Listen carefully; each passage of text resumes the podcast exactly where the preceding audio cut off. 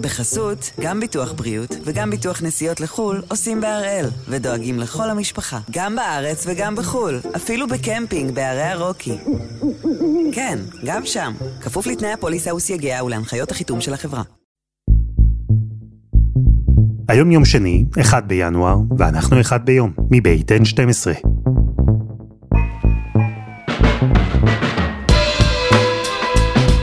אני אלעד שמחה יופי, אנחנו כאן כדי להבין טוב יותר מה קורה סביבנו, סיפור אחד ביום, בכל יום.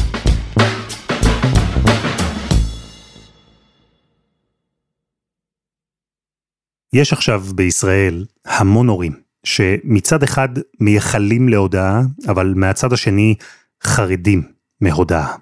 הם מייחלים להודעה שתבשר להם שהכל בסדר, שהילד שלהם בסדר, שהוא יצא להתרעננות, שהוא הצליח לרגע להתחבר ועדכן שהוא כבר מחוץ לשטח האש, שהוא בריא.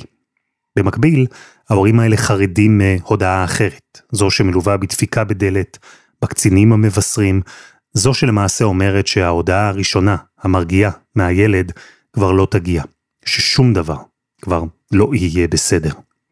את ההודעה הזו, הנוראה, קיבלו ההורים של סמל ראשון איתי סעדון, בן 21, מפקד טנק בגדוד 52, חטיבה 401. שבועיים לפני שהוא היה אמור להשתחרר מצה"ל, שבועיים לפני שאיתי היה אמור להתחיל את המסלול בדרך לחלום שהיה לו מאז שהיה ילד, להיות טייס. שבועיים לפני, איתי נהרג בעזה. ואימא של איתי, ליאת, כמו שאימהות דואגות ואוהבות עושות, היא ליוותה אותו לאורך כל הדרך. היא הייתה שם עד כמה שאפשר, והיא גם תיעדה וכתבה את הבלוג מגדלת כנפיים, מיומנה של אימא לטייס בפוטנציה. והיום, ביום ה-87 למלחמת אוקטובר 23, ליאת סעדון תקרא עבורנו חלק מהיומן שכתבה בזמן שהבן שלה, איתי זכרו לברכה, יצא למסע שלו במטרה לקבל כנפיים של טייס, וכדבריה, קיבל עכשיו כנפיים של מלאך. 17 באוקטובר 2018 תכירו את א'. הבלוג הזה הוא על א', שחולם להיות טייס. בעצם הוא לא עליו, הוא עליי, אימא שלו, זו שאומרת לו תמיד שחלומות צריך להגשים. אני לא מכירה הרבה ילדים שממשיכים להחזיק בחלום שלהם מגיל חמש. לי יש ילד כזה והוא נחוש. צריך לפחות שלוש שנים כדי להגשים חלום כזה, אולי אפילו יותר. זו דרך ארוכה והיא רצופה אתגרים ופחדים. אני מתרגשת מאוד בשבילו. וכשאני מתרגשת, אני כותבת. בגיל ארבע הוא צייר מטוסים. בגיל שש הוא בנה דגמים. בגיל שמונה הוא ידע לזהות אותם בשמיים. איך אתה יודע שזה בואינג 747? אמא, באמת, את לא רואה שיש לו ארבעה מנועים? בגיל תשע הוא רכש את הסימולטור הראשון שלו, והתחיל לחסוך שקל לשקל ולשכלל את שולחן הכתיבה המעופף שלו. בגיל 13 היה טייס ליום אחד והשתתף בנחיתה של מטוס אל על. בגיל 16 הוא קיבל צו ראשון. וכאן הבלוג הזה מתחיל.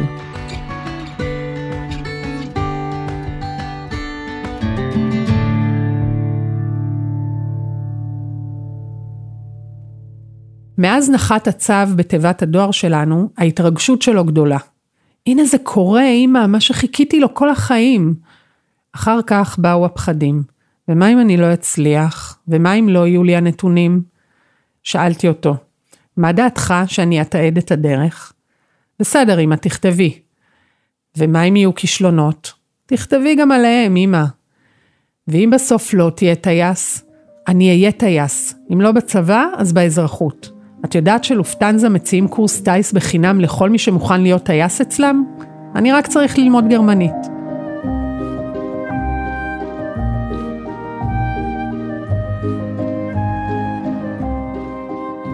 שבעה בינואר 2019, היום הקובע של הנתונים. הבוקר הוא קם חצי שעה מוקדם מהרגיל. בשבע וחצי הוא צריך להתייצב בלשכת הגיוס ויש לו שעה נסיעה, לא כולל פקקים. הוא היה לחוץ. ראיתי את הכתפיים שלו רועדות כשהוא ישב לשתות את התה של הבוקר. קר לך? לא, זה מהתרגשות. לפני שיצא מהבית, הספיק להקיא. תגובה מוכרת שלו למצבי לחץ. זה הקל עליו במקצת. חתיכת דרך עומדת לפניו, וזהו רק הצעד הראשון. הראשון, ובמידה מסוימת המלחיץ ביותר. הרי מה יותר גרוע מלא לעבור מיונים לקורס טיס? לא להיות מוזמן אליהם בכלל. זה החשש הכי גדול שלו, שלא יהיו לו הנתונים, שלא יקבל את ההזדמנות. דפ"ר, קאבה, פרופיל, המספרים שיוזנו בסוף היום למחשב הצה"לי, יקבעו את עתידו. אתמול הוא התאמן מעט באפליקציה שמדמה את המבחנים בצו ראשון. אני צריך לחזור על כפל וחילוק. אמרת שאתה רוצה חיבוק? מצאה אחותו הקטנה פרצה בגדר הקשיחות שלו. לא, אמרתי כפל וחילוק. יופי, אז חיבוק. היא התקרבה לעברו והוא זז בצעד מהיר, והם התחילו להתרוצץ בכל הבית כמו שהיו קטנים. היא רודפת אחריו והוא מתחמק ממנה, וכולנו יודעים שהיא אף פעם לא תצליח לתפוס אותו, רק אם ייתן לה. אפשר בבקשה להשאיר אותם עוד קצת ככה?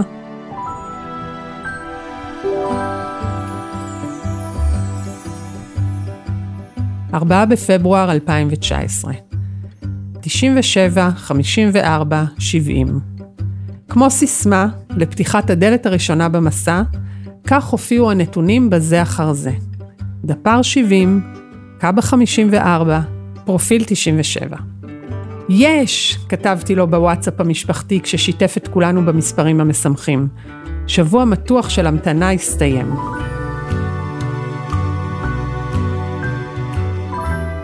25 באוקטובר 2019. אל תתנהג כמו טייס. כשעזבנו את יפן ירד גשם. טייפון קטן בדרך, ככה ראינו בתחזית. הטייס הודיע שצפויה לנו המראה ברוחות חזקות. א' היה מבסוט, רק תנו לנער אקשן בטיסה. את הלילה האחרון העברנו במלון סמוך לשדה התעופה. מעל המיטה שלו עמד חלון גדול שהשקיף למסלולי ההמראה והנחיתה. הייתי יכול לגור פה, הוא אמר. לפעמים אני חושבת שהוא בא לטיולים בחו"ל רק בשביל הטיסות. באחד הימים בטיול, בין סושי לראמן, נחת סוף סוף הזימון לירפא א' בתיבת המייל שלו. תשעה חודשים שהוא ממתין לזימון הזה, כמו הריון. אולי בינתיים תוריד אפליקציה ותתכונן למבחנים? הצעתי לו לייעל את הזמן. בסדר, אמא, כשאקבל את הזימון, אולי בינתיים תכתבי פוסט? החזיר לי בהצעת ייעול משלו. אתמול הוא בכל זאת עשה באינטרנט מבחן לדוגמה. הלך לו טוב. בא להראות לי את התרגיל, משהו עם קוביות ופאות שצריך להתאים ביניהן, לא הבנתי כלום. מה, זה נורא קל, הוא אמר, ואחותו אמרה, אל תתנהג כמו טייס, תבוא למבחנים צנוע, בלי לחשוב שאתה יודע הכל. בנחיתה היה ערפל כבד, אפילו לא ראינו את הכנפיים של המטוס מהחלון. איך הוא ינחת ככה? נחרדתי. וא' הסביר שיש הגדרת מינימום, כלומר הגובה שמותר למטוס להגיע לנחיתה מעל הקרקע, כשהטייס מסתמך רק על המכשירים, בלי לראות את המסלול. ואם נגיע לגובה הזה והטייס עדיין לא יראה, הקשיתי, אז הוא יעלה חזרה ולא ינחת, אל תדאגי אמא, כל טייס מתחיל יודע את זה. במושבים שלפנינו ישבו ישראלים, ראיתי שגם הם מקשיבים להסברים. כשהצג הראה שיש עוד דקה לנחיתה, בבת אחת נעלמו העננים וראינו את המסלול. א' אמר שמכאן זו נחיתה קלה, אפילו לא היינו קרובים למינימום. כשהגלגלים נגעו סוף סוף בקרקע, הישראלית שישבה לפנינו הסתובבה ושאלה, הוא בקורס טיס? הוא מתכנן, עניתי לה. בעוד יומיים הוא התייצב בתל השומר למיון הראשון. עדכנת בבלוג? הוא שאל. אתה בטוח שאתה רוצה שאני אכתוב לפני המיון? ואם לא תעבור, אני מנסה לגונן עליו, ואולי על עצמי, מפני כישלון בפרהסיה. אמא, הוא מזכיר לי, הרי סיכמנו שמתעדים הכל.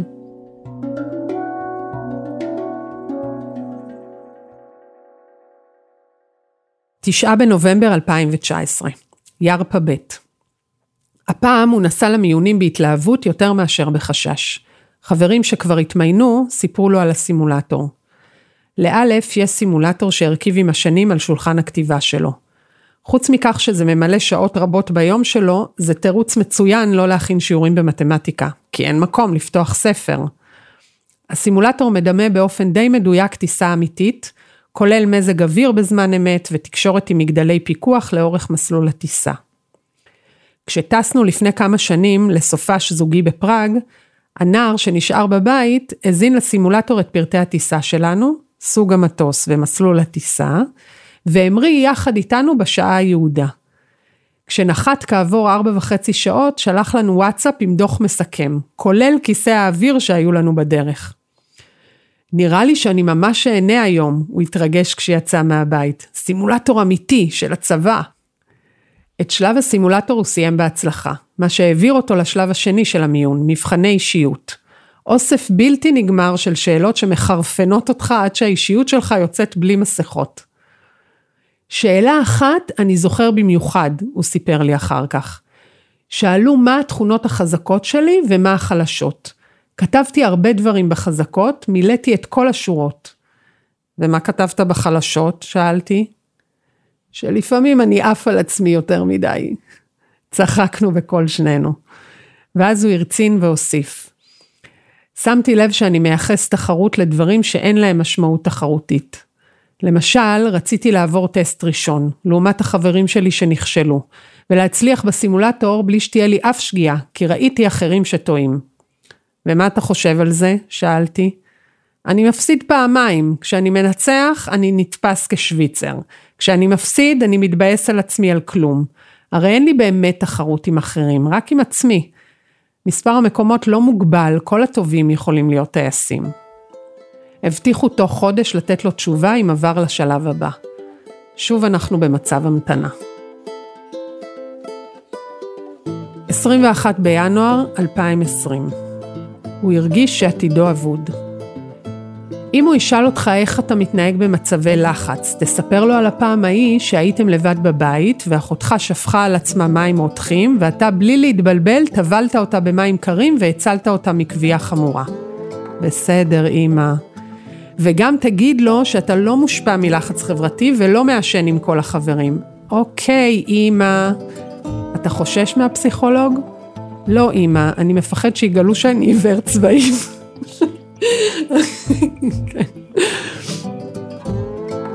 א' נסע לתל השומר וגילה שהפסיכולוג הוא פסיכולוגית והיו לה שאלות לגמרי אחרות. בשאלון האישיות הופיע המשפט הבא: הוא הרגיש שעתידו השלם את החסר. א' השלים אבוד, והדליק נורה אדומה אצל הפסיכולוגית. זה מה שעלה לי בראש באותו רגע, הסביר לה א', והנורה האדומה של הפסיכולוגית המשיכה להבהב. אולי זה בגלל שאם אני לא עובר את המיונים, אני ארגיש לרגע שעתידי אבוד.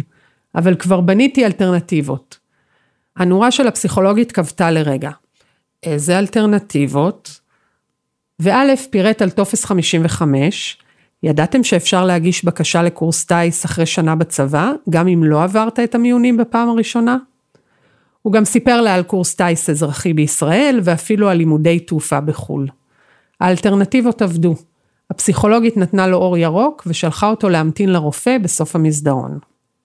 אז א', כשיר מבחינה אישיותית. עכשיו צריך לבדוק כשירות גופנית.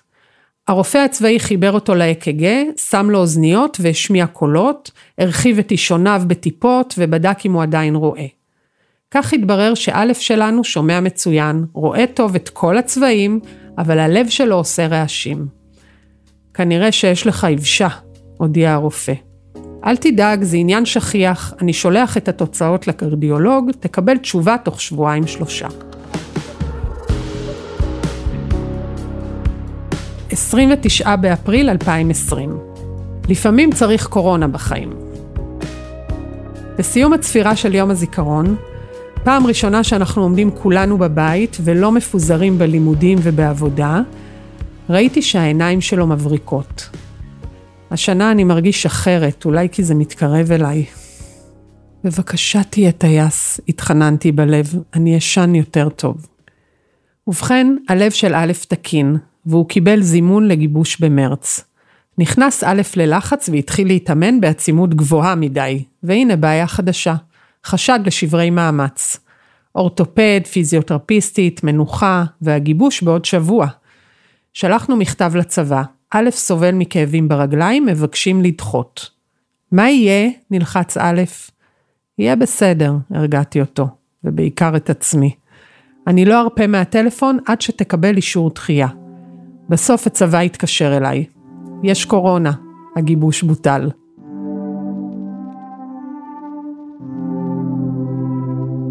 מה אתה מדמיין? שאלתי אותו. את שיחת הטלפון של אחרי, שהם מתקשרים להודיע לי שעברתי. גם אני, חייכתי, מדמיינת את הפוסט של אחרי. כותבת ומספרת לעולם שהלכת לגיבוש וחזרת פרח. לא, אמא, את ממש לא רוצה שאני אחזור משם פרח. את יודעת מה זה פרח בשפה הצבאית? אלוהים שתשמור, התכוונתי פרח טיס. 4 בנובמבר 2020. מה מזג האוויר בחצרים? התעוררתי בחמש בבוקר מגשם חזק שדפק על החלון. הושטתי יד לטלפון והקלדתי בעיניים מסונברות מהמסך. מזג האוויר בחצרים. גוגל ענה, מעונן חלקית. טוב, לפחות הוא לא רטוב. כבר ארבעה ימים שהוא בלי שעון. האם נותרה בו תחושת זמן? לאלף יש תחושת כיוון פנימית. הוא אף פעם לא מאבד את הצפון. זה כאילו שיש לי מצפן בתוך המוח, הוא הסביר לי פעם. ילד שלי, שרק לא תלך לאיבוד. שישה בנובמבר 2020, גיבוש. דבר ראשון, התנפלתי עליו בחיבוק ולשמחתי הוא הסכים לשהות בו קצת יותר מהרגיל. ואז התיישבנו מולו כולנו, אבא, אימא ואחותו, והוא סיפר דקה אחר דקה מה עבר עליו מרגע שיצא מפתח הבית לפני חמישה ימים, ועד הרגע שנכנס בו עכשיו שוב. אני רוצה לדעת הכל, הכל, כל מחשבה שחלפה בו, כל רגש, כל שביב ייאוש והבזק תקווה, גם אם יתערבבו ביניהם. ואחרי ששמעתי הכל, הנה הדברים כפי שנשמעו מהצד שלו. איך שעלינו על ההסעה בנקודת האיסוף, פקדו עלינו לכבות טלפונים. וכשסוף סוף ירדנו צריך להסתדר בשלשות, ו-30 שניות לפרוק את התיק, להפקיד ציוד, לשנן ולזכור מה עושים אם אחד מאיתנו מתעלף. ואני מרגיש את הבחילה מטפסת לי בגרון, ואנחנו הולכים מפה לשם ומשם לפה, כל הזמן תיזוזים, הוראות, פקודות, משימות, זחילות בזווית של 20 מעלות. אני בולע מלא חול, אין לי אוויר ואני מרים את היד, כי אמרו שאם אי אפשר יותר, שלא נלך מעבר לקצה, שנבקש חובש. במרפאה חובש אומר לנו, אני לא היחיד שהגיע לשם, מפה ילך ויהיה יותר קשה, ואם נראה לכם שאתם לא יכולים, אז אולי עדיף שלא.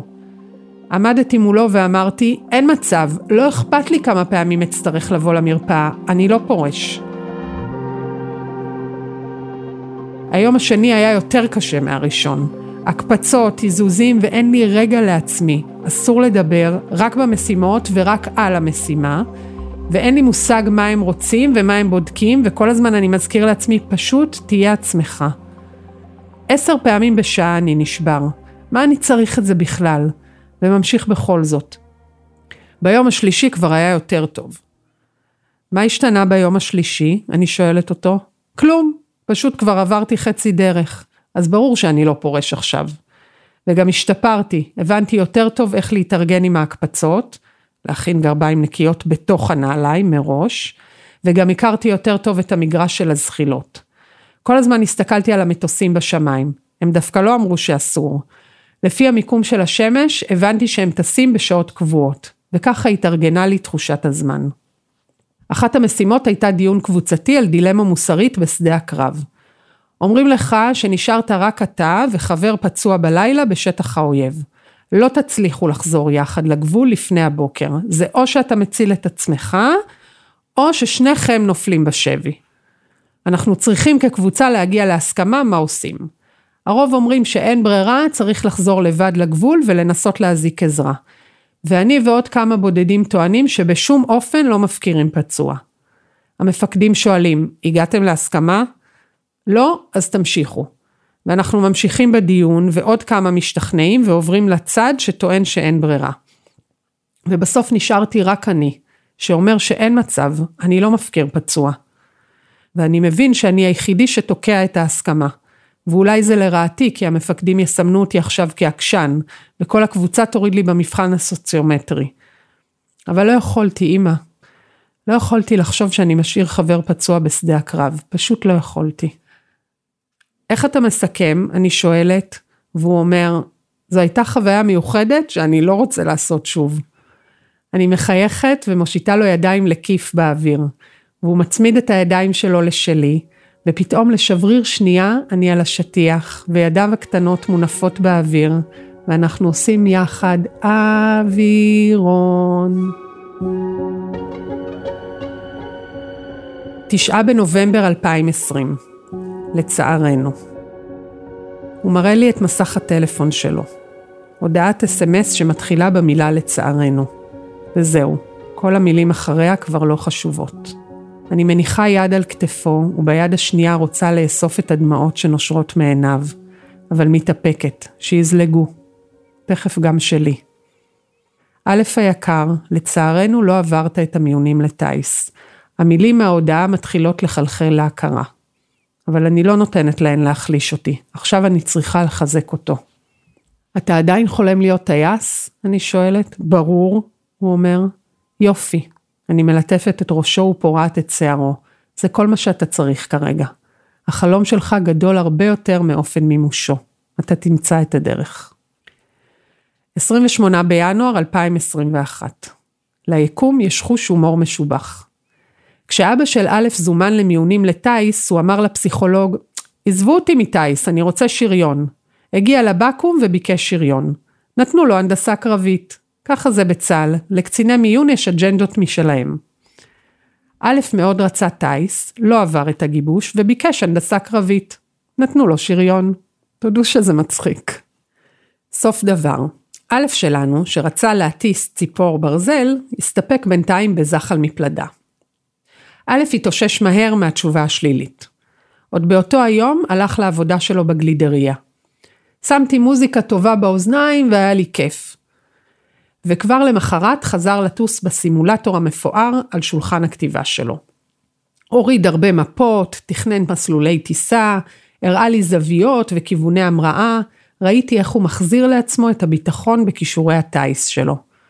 הודעות התמיכה מחברים לא הפסיקו לזרום, וא' אמר לי, כיף לגלות שיש לי חברים טובים, אבל אני מרגיש שאני לא באמת צריך את זה. אני מעודד מבפנים. אני יודע מה אני רוצה ויודע מה הדבר הבא. מה הדבר הבא? נפתחים לי עכשיו מלא מיונים. אנסה להגיע ליהלום, הסיירת של הנדסה קרבית, ומשם טופס 55, ואבקש לנסות שוב להיכנס לקורס טיס. א' לא הצליח להתקבל ליהלום. איך הם לא קיבלו מוכשר כמוך? הזדעקתי. נו אמא, את יודעת כמה אנשים מוכשרים נופלים בין הכיסאות בצבא? ושוב אני נפעמת ממנו, מהילד הזה שכל כך בטוח בידיעת עצמו, במי שהוא ובמי שהוא יכול להיות, שגם המערכת הגדולה הזו, צבא ההגנה לישראל, לא מצליחה לערער אותו. זה רק בינתיים, עד שייתנו לי שוב לנסות קורס טיס. זה הילד שלי, הוא יודע מה הוא רוצה, ואני רק צריכה להיות שם בשבילו ולהשתדל לא להפריע. הוא הראה לי שהוא מדורג מקום 11 בעולם באתגר הנחיתה בסימולטור. הילד לא עבר גיבוש טיס, אבל בהחלט יודע לנחות נחיתה רכה. 16 בנובמבר 2023 כנפיים של מלאך במהלך השנה האחרונה החל לתכנן את לימודי הטיס שלו באזרחות. כמו כל דבר שתכנן ברצינות וביסודיות, גם הפעם עשה עבודת מחקר מרשימה. פתח אקסל של רשימת בתי ספר לטיסה באירופה, הזין מידע על תוכנית הלימודים ומחירים, דיבר עם אנשי קשר, ורשם לעצמו יתרונות וחסרונות. מצאתי שאחד מבתי הספר הטובים באירופה נמצא ביוון, הוא סיפר לי בהתלהבות. שמחנו כולנו, כך יוכל להיות קרוב לבית ולחברה. אבל אז הסתבר שבלי דרכון אירופאי זה בזבוז זמן ללמוד באירופה. גם זה לא ריפא את ידיו, והוא הרחיק לאמריקה. ושוב פתח אקסל, ושוב יתרונות וחסרונות. ואחרי הרבה ברורים החליט, קנדה. מושלם שם אימא, התנאים טובים, יש רק בעיה אחת. מתחת למינוס 28 מעלות, מבטלים את אימוני הטיסה. אבל לפחות אני אדע איך זה לטוס במינוס 27. א' הצליח לחסוך יותר ממחצית הסכום הדרוש, ותכנן בקיץ 2024 לעבור לארץ קפואה ולהתחיל ללמוד תעופה. ואז פרצה המלחמה הארורה. איתי סעדון נפל בקרב ברצועת עזה ביום השני בנובמבר 2023. בגיל 21 נגדע חלומו. יהי זכרו ברוך.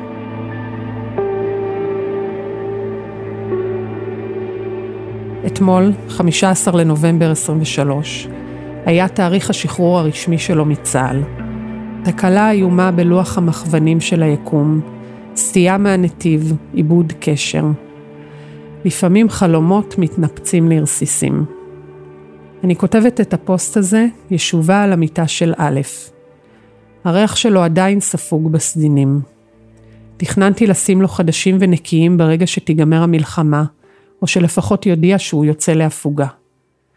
המלחמה תיגמר יום אחד, אבל א' כבר לא יגיע, ואת הסדינים אצטרך להחליף בסופו של דבר. ה-21 בנובמבר 2023. הבוקר הלכתי לבנק, סידורים. את הדרך חזרה החלטתי לצעוד ברגל. הייתה שמש נעימה, ומישהו לידי אמר שהוא ממש אוהב את העונה הזו בתל אביב. ופתאום שמתי לב שבאמת נגמר הקיץ. טיילתי בין המבנים לשימור של שרונה, ומשם ירדתי לרחוב הראשי וחלפתי על פני תחנת הרכבת הקלה, והרגשתי חול, את החול הזה של הטיולים המשפחתיים שלנו. שוטטות ברחובות לא מוכרים, נסיעה ברכבות תחתיות, סקרנות לגלות מקומות חדשים. תחושת הרפתקנות שטפה אותי, וכל כך שמחתי לגלות שאני עוד מסוגלת להרגיש, להרגיש תחושות שהן לא צער ואבל. ואז הוא בא. שוב. הוא פשוט הצטרף אליי להליכה. בהתחלה הוא ניסה לחקות את הליכתי שלי, מתאים את קצב צעדיו ורוחב פסיעתו לאלה שלי. ועושה לי פרצופים של הרגליים שלך קצרות מדי. אחר כך הוא התחיל לדלג והוא אפילו זמזם משהו, ולפתע התגלגל מצחוק. אמא, תראי איזה כיף פה. ותוך כדי הדילוגים הוא התכווץ כמו אליסה בארץ הפלאות ונהיה ילד. הילד הקטן שלי עם השיער החלק והחיוך המתוק והעיניים הנבונות. ועכשיו הייתי צריכה להתאים את קצב צעדיי לרגליו הקטנות. ככה המשכנו ללכת, וכל מי שהסתכל עליי ברחוב ראה אישה עם חיוך רחב ודמעות בעיניים. הלב שלי התפקע מכאב, מאהבה, משמחה. הוא ליווה אותי עד הבית, וכשנכנסתי בדלת והשארתי אותה פתוחה כדי שגם הוא ייכנס, הוא אמר, לא, לא, תסגרי, תראי איך אני יודע לעבור דרכה. אני לא יודעת מה הם החזיונות האלה, אולי הם פרי דמיוני הקודח, אבל הם מרגישים אמיתיים מאוד. והאמת שזה לא משנה. כי היום, בפעם הראשונה מאז הדפיקה בדלת, חייכתי באמת מהלב.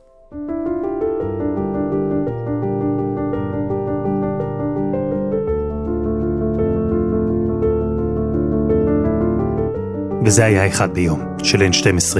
תודה גדולה וחיבוק גדול לליאת ולכל משפחת סעדון, ששיתפו ונתנו לנו את הזכות להכיר קצת יותר טוב את איתי, זכרו לברכה.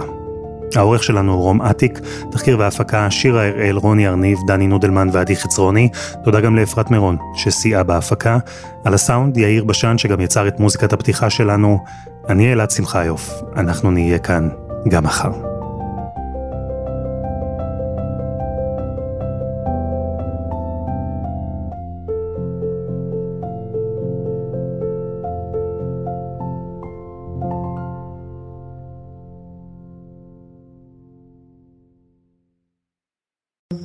בחסות, גם ביטוח בריאות וגם ביטוח נסיעות לחו"ל עושים בהראל, ודואגים לכל המשפחה, גם בארץ וגם בחו"ל, אפילו בקמפינג בערי הרוקי. כן, גם שם, כפוף לתנאי הפוליסה וסייגיה ולהנחיות החיתום של החברה.